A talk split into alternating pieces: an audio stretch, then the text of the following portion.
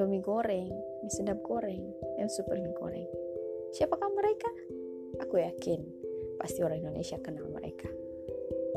Meskipun mereka instan dan praktis, meskipun mereka murah, meskipun picis mereka hanya kecil, namun orang Indonesia sangat mengenali mereka, bahkan mereka sangat terkenal Indonesia.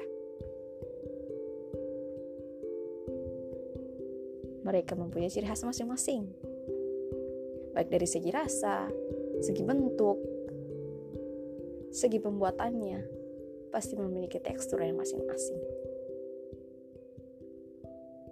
Apalagi kalau kita masak, kita makan pakai telur ceplok, maupun kita pakai dengan olahan apa pun, itulah kebahagiaan kita. Indonesia punya rasa.